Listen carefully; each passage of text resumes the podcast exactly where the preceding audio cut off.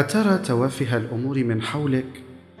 التفاصيل الركيكة تلك ابتسامتك لأخيك في صباح نهاء اختباراته ودعاؤك له باليسر والسهل.